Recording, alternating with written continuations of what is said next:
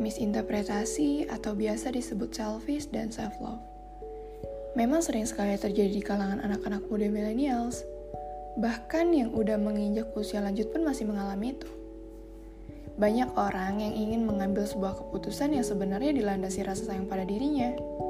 Tapi kebanyakan orang takut terkesan egois aja.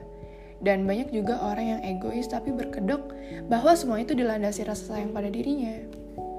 Kalau kamu punya pikiran bahwa egois itu sama dengan mencintai diri sendiri, hmm, memang tepat banget sih kalian mendengarkan podcast ini. ya udah yuk kita bahas apa sih perbedaannya. Pada dasarnya, self love itu dan selfish dua hal yang berbeda. Iya, dua hal yang berbeda. Dari artinya aja sangat berbeda. Self love itu artinya mencintai diri sendiri dan selfish itu egois. Self love itu didasari dengan rasa cinta, selalu mempertimbangkan diri sendiri dan orang lain sebelum mengambil sebuah keputusan. Dan dia nggak semata-mata memikirkan sebuah keuntungan atau kesenangan pribadinya aja. Sedangkan selfish itu didasari dengan rasa takut. Dia nggak mempertimbangkan sebuah keadaan orang lain. Dia hanya memikirkan keuntungan dan kesenangan pribadi aja. Hmm, egois banget ya. Padahal, mencintai diri sendiri tuh nggak membuat kamu menjadi tidak peduli akan orang lain dan sekitarnya.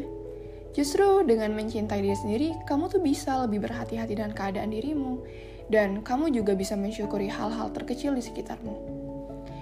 Dan kalian tahu nggak sih, untuk mencintai dan menghargai diri sendiri itu emang hal yang sulit. Kalau aku sih enggak. Tapi kamu pernah gak sih mikir hal sepele seperti mencintai diri sendiri itu sangat mudah? Ya, hanya saja kita tuh selalu dilabui dengan pikiran takut dan gagal. Dan kamu juga harus yakin semua bisa kalau dalam diri kita tuh yakin kita bisa. Terkadang kita nggak menghiraukan perasaan sendiri, benar nggak? Hal yang sering kita hargai itu apa? Selalu perasaan orang lain kan?